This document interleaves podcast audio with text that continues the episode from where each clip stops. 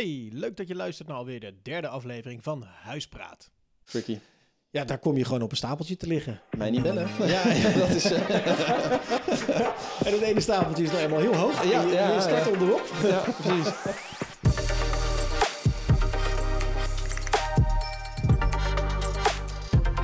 Hey, daar zat ik nog iets anders te bedenken. hè. Stel, ik, ehm, eh, ik wil eh, bieden. Wat je nu natuurlijk veel hoort, is dat mensen bieden zonder eh, bepaalde voorbehouden. Dus zonder Ja. voorbehoud van financiering. Even los van de vraag of dat slim is. Dat kan. Ehm, ehm, stel, ik wil hetzelfde bod doen, maar met een voorbehoud minder. Kan dat? Eh, hetzelfde bod, maar met een voorbehoud minder. Ja, dus Ehm, iemand heeft een bod gedaan van 3,5 ton met Ja. financieringsvoorbehoud. Maar ik denk, ja, ik kan ook 3,5 ton zonder voorbehoud financiering doen. Ja, zeker. Je kan eh, op het platform, als je gaat bieden, eh, kan je precies aangeven wat je voorbehouden zijn. Je kan aangeven van, goh, ik zou bij voorkeur dan en dan de sleutel willen krijgen. Hm. Of je laat die gewoon lekker in overleg staan. Hè, dat je zegt van, nou, ik ben flexibel, dus verkoper, zeg jij het maar. We zien het wel. Je kan een voorbehoud eh, voor financiering aangeven. Dan kan je zelfs aangeven van nou, hoeveel weken heb ik daarvoor nodig. Ja, als je je huiswerk van tevoren heel goed gedaan hebt bij je financieel adviseur, dan kan je soms zelfs zonder financieringsvoorbehoud. Of je kan eh, met een heel kort voorbehoud, dat je Hm. zegt van goh, ik zorg dat ik dat in anderhalve week voor elkaar heb. Zo. Nou, dat is natuurlijk interessanter dan iemand die nog blanco moet beginnen. Ja, dan heb je ook een snelle financieel adviseur trouwens. Ja, ja, absoluut, zeker. Dan, eh, dan heb je echt wel een topper te pakken.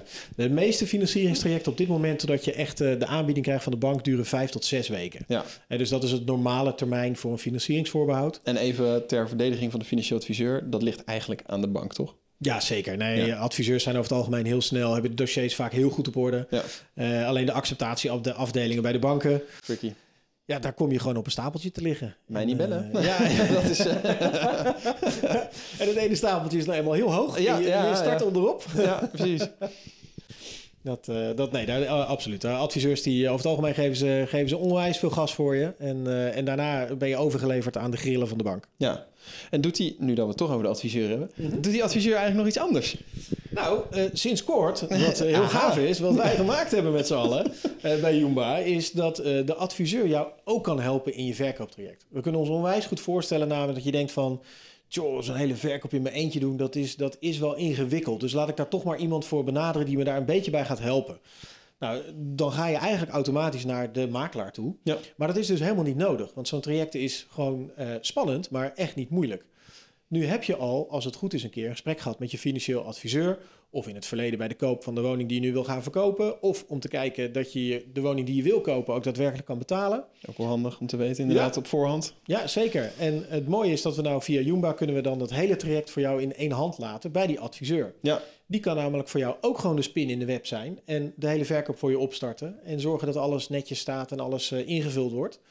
Ehm, zodat je daar zelf minder gedoe aan hebt. dus dan heb je eigenlijk gewoon één aanspreekpunt. Ja, Één vertrouwenspersoon misschien zelfs wel. Ja. Die, je, die je toevertrouwt met het aanvragen van die, van die enorme eh, bak met geld bij de bank om dat, om dat huis te kunnen kopen. ja En dat is ook degene die eigenlijk coördineert hoe jouw woning... eh, Ja. hoe, en dat jouw woning verkocht wordt. Ja, zeker. En dat Ja. gaat dan samen met, met Jumba eigenlijk. Ja, en het is ook gewoon lekker dat je met een financieel partner snel kan schakelen. eh, die daar verstand van heeft. En als jij nou een bieding krijgt onder voorbehoud van financiering. Dat hij ook goed kan uitleggen aan je van wat is het risico bij deze mensen? Hè? Ja. Hoe, hoe zit dat eigenlijk? Eh, Ja. Hij nou- overziet natuurlijk beide onderwerpen eigenlijk. ja, exact. Hij kan en het financiële vraagstuk voor je beantwoorden. En ja, hoe jouw eigen huis in elkaar steekt, dat weet je zelf als beste natuurlijk. Ja, kortom.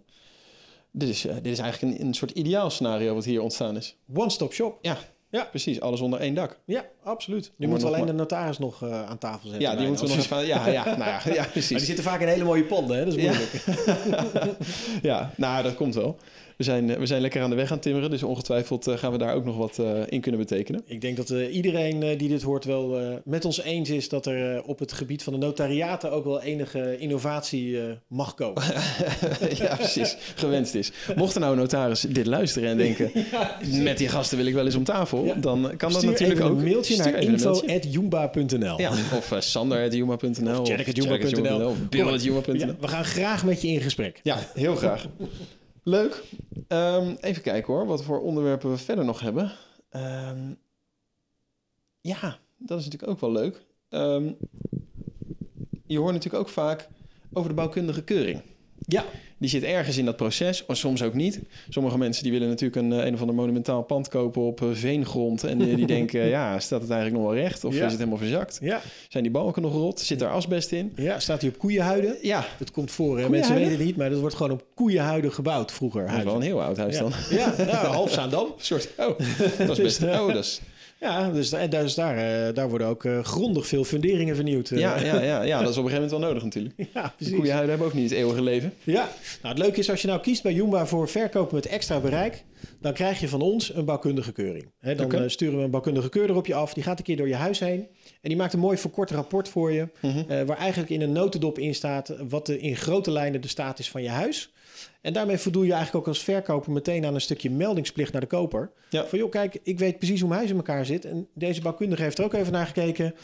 Nou, er is of niks aan de hand. Of als er wel iets aan de hand is, dan weet je het ook maar liever van tevoren. Ja, dan heb je niet eh, liever, de eh, verborgen gebreken discussie eh, Ja, achteraf, exact. zeg maar. Exact. En dan, dan, heb je het maar, dan heb je het maar netjes allemaal gemeld aan, aan de koper. En dan krijg je er ook geen gedoe mee achteraf. Want als een koper achteraf erachter komt van... hé, hey, maar ho even, dit is niet in de haak. Ja, Ja, dan heb je natuurlijk altijd een probleem. ik, ik heb ineens looie leidingen.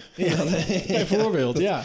Dat wil je weten van tevoren. Ja, exact. exact. Kan je- Overigens, het verborgen gebrek is wel een interessant onderwerp hoor. Want ehm, een verborgen gebrek ja, is ook verborgen. Ja. Hè? Dus eh, Kan ook voor de verkoper verborgen zijn, bedoel je? Exact, Ja. precies. Hè? Als een verkoper het nou ook niet weet, dan, ja, dan ben je daar ook niet aansprakelijk voor als Nee. verkoper. Eh, dus het is altijd een soort scheidslijn.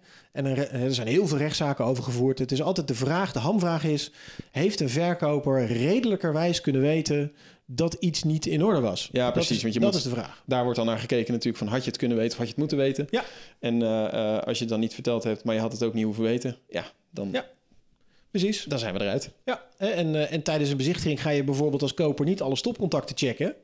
Maar als verkoper weet je natuurlijk hartstikke prima als ergens een stopcontact niet werkt. Ja, daar zitten helemaal geen draadjes achter. Ja, precies. En er zit niks achter. Ja, precies. Het is gewoon een loos plakplaatje op de muur. Ja.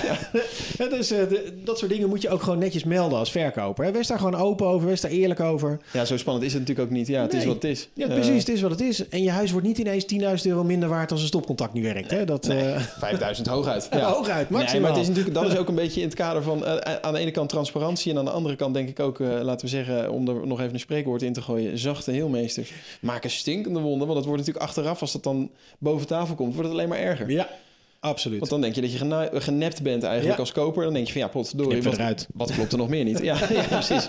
Kan ik hier nog onderuit? kan ik er wel Ja. Nee, nee, 100%. Je moet gewoon eh, open en eerlijk zijn. eh, anders krijg je achteraf gedoe. Er zijn echt talloze rechtszaken over. Ja. Eh, mocht iemand tijd te veel hebben, ga naar rechtspraak.nl. Ja. Voer iets van een vastgoedterm in. En je krijgt echt ellenlange lijsten met rechtszaken die gevoerd zijn over huizen. We gaan nog een losse podcast maken over jargon, zag ik. Dus eh, die komt, Ja, die staat binnenkort op het programma. Ja, dat is ook leuk. Ja, dat is ook leuk. Ja. Ja, dus over het algemeen is het allemaal fraai. Ja, ook vrij, ja. Vrij. Ja, dat, eh, En turnkey. En turnkey ook, ja zeker. Ja, ja, ja. In het westen vooral. Hè. Daar is alles turnkey. ja, zeker. Ja, ja precies. Ehm, leuk. Dus de bouwkundige keuring die, eh, die, zit er, eh, die zit erbij. Ja. In ieder geval eh, in, op hoofdlijnen. Absoluut. We gaan niet de fundering zitten afschrapen. En, Nee. Kijk, en voor alle kopers die, die, die er zijn en die dit luisteren... Laat, je, laat een huis gewoon lekker bouwkundig keuren. Tenzij het iets van nieuwbouw is, of zelfs bij nieuwbouw eigenlijk zelf zou ik het, zou ik het willen adviseren. Ja. Zorg gewoon dat je echt een expert namens jou als koper gewoon een keer kritisch er doorheen gaat. Een goede bouwkundige keurder kost misschien eens een keer 400, 500 euro. Ja. Maar het kan zomaar 500, de beste 500 euro zijn die je uitgeeft in je hele Precies. wooncarrière. ja, inderdaad. En wat is 500 euro op de aanschafwaarde van die hele woning? Dat valt natuurlijk ook wel weer mee. Exact, exact. Het is wel weer 500 euro extra, dus het is wel serieus geld. Maar je bent ook gewoon een stuk zekerder dan. Ja, Zie ik er nog één staan, die ook best wel belangrijk is. Energielabels. Want die zijn Energielabels. natuurlijk hartstikke verplicht tegenwoordig. Ja, zeker. Je komt er niet meer onderuit. Sterker nog, voordat we hem echt full, eh, full pool te koop mogen zetten op Jumba.nl, moet jij als verkoper al een energielabel hebben. Ja. Dus mocht jij bedenken tussen nu en 10 jaar, ik ga mijn huis uitverkopen en je hebt tijd te veel, laat een energielabel maken. Hij is 10 jaar geldig, eh, dan heb je maar in de pocket Ja. en eh, hij, hij moet er gewoon zijn. Ja, precies. Wat kost dat ongeveer? Ergens tussen de 150 en de 200 euro, toch? Ja, Zo? om en erbij. Ja, Ja. precies. Een beetje afhankelijk van hoe groot je huis is vaak. Hè, want ze gaan alle glasoppervlaktes meten en je ketel bekijken en doen. Er zit Ja. echt best wel een beetje werk in tegenwoordig. Eh, en dan krijg je een keurig net eh, label. Vroeger zeiden die labels echt helemaal niks. Dat was gewoon eh, op basis van je bouwjaar werd er wat van gevonden. Ja, Op afstand. Ja, op ik, afstand, precies. Niemand die er naar keek. Kost ook 5 euro. Zo Nou, één heb ik er. ja. Dus, dus een kwalitatief rapport voor 5 euro. ja, inderdaad. Dat kan, dat kan nooit. Dat, maar tegenwoordig is het wel, zegt het echt wel iets. Hij geeft het een goede indicatie van eh, hoe goed geïsoleerd een huis is. En geeft ook meteen een goede, eh, eh, goede ik blijf helemaal hangen ervan. Een goede Indicatie. van hoeveel kan ik nog winnen met mijn huis. Uiteindelijk Ja. is bijna ieder huis is wel naar een A-label te tillen. Ja, zelfs jaren 30 woningen zijn naar een A-label te tillen.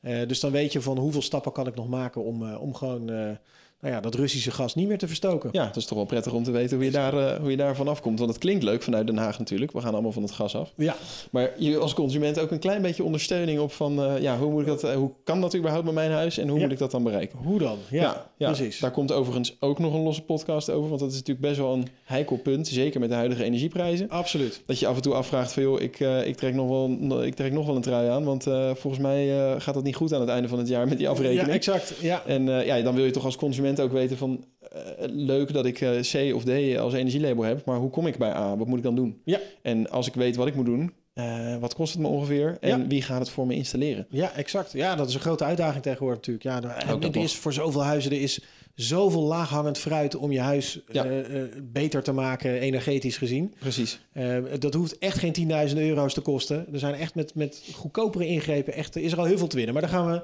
inderdaad een hele podcast, gaan we daar helemaal over platkletsen. Precies. Dus voor de handige doe-het-zelvers eh, wordt dat ook een hele leuke. Ja. Ehm, even kijken hoor. Dan, wat zie ik nog meer staan? Oh ja, digitaal ondertekenen. Ja, Dat gebruiken wij ook, hè? Zeker. Ja, Kijk. nee, ja, we gaan natuurlijk geen. eh, in, de, in de vaktermen noemen ze dat een natte handtekening. Die hè, kom je niet even echte- halen bij nee, je- ik kom de- niet met mijn papiertje je kant op. Om dit krabbeltje te zetten is ook oprecht helemaal nergens meer voor nodig. Eh, iedereen is eh, online goed te identificeren. Het is niet voor niets dat je zelfs bij de Rijksoverheid kan inloggen eh, online en alles kan regelen. Ja. Dat is omdat het gewoon goed kan. Ja. Eh, dus ook het ondertekenen voor je huis kan helemaal digitaal. Eh, er zijn zelfs notariaten bij wie je tegenwoordig helemaal eh, op afstand kan en eh, digitaal. Netjes. Gemak dient de mens. Ja. Voortschrijdend innovatie. Helemaal top. Gewoon top dat, Ja. het, dat het niet meer hoeft. Gewoon doen en, Ja. en gebruiken. Dus daar maken wij ook gebruik van. Ja. En dat scheelt ook wel, want dan kan je veel sneller door dat proces heen. Dan hoef je niet eh, Ja. eh, te gaan zitten wachten wanneer iemand tijd heeft om langs te komen Ja, voor een handtekening plaatsen, et cetera. Dus, eh, Hey, maar je staat natuurlijk wel vrij als verkoper dat je de koper uitnodigt. Van joh, zullen we het samen gewoon achter de wel laptop... gezellig eh, natuurlijk. Hè? Drinken we er glas wijn nog. op. Ja. Mag ook. Ja. Precies. Dus het kan ook gezellig en digitaal. Dat is ook leuk natuurlijk.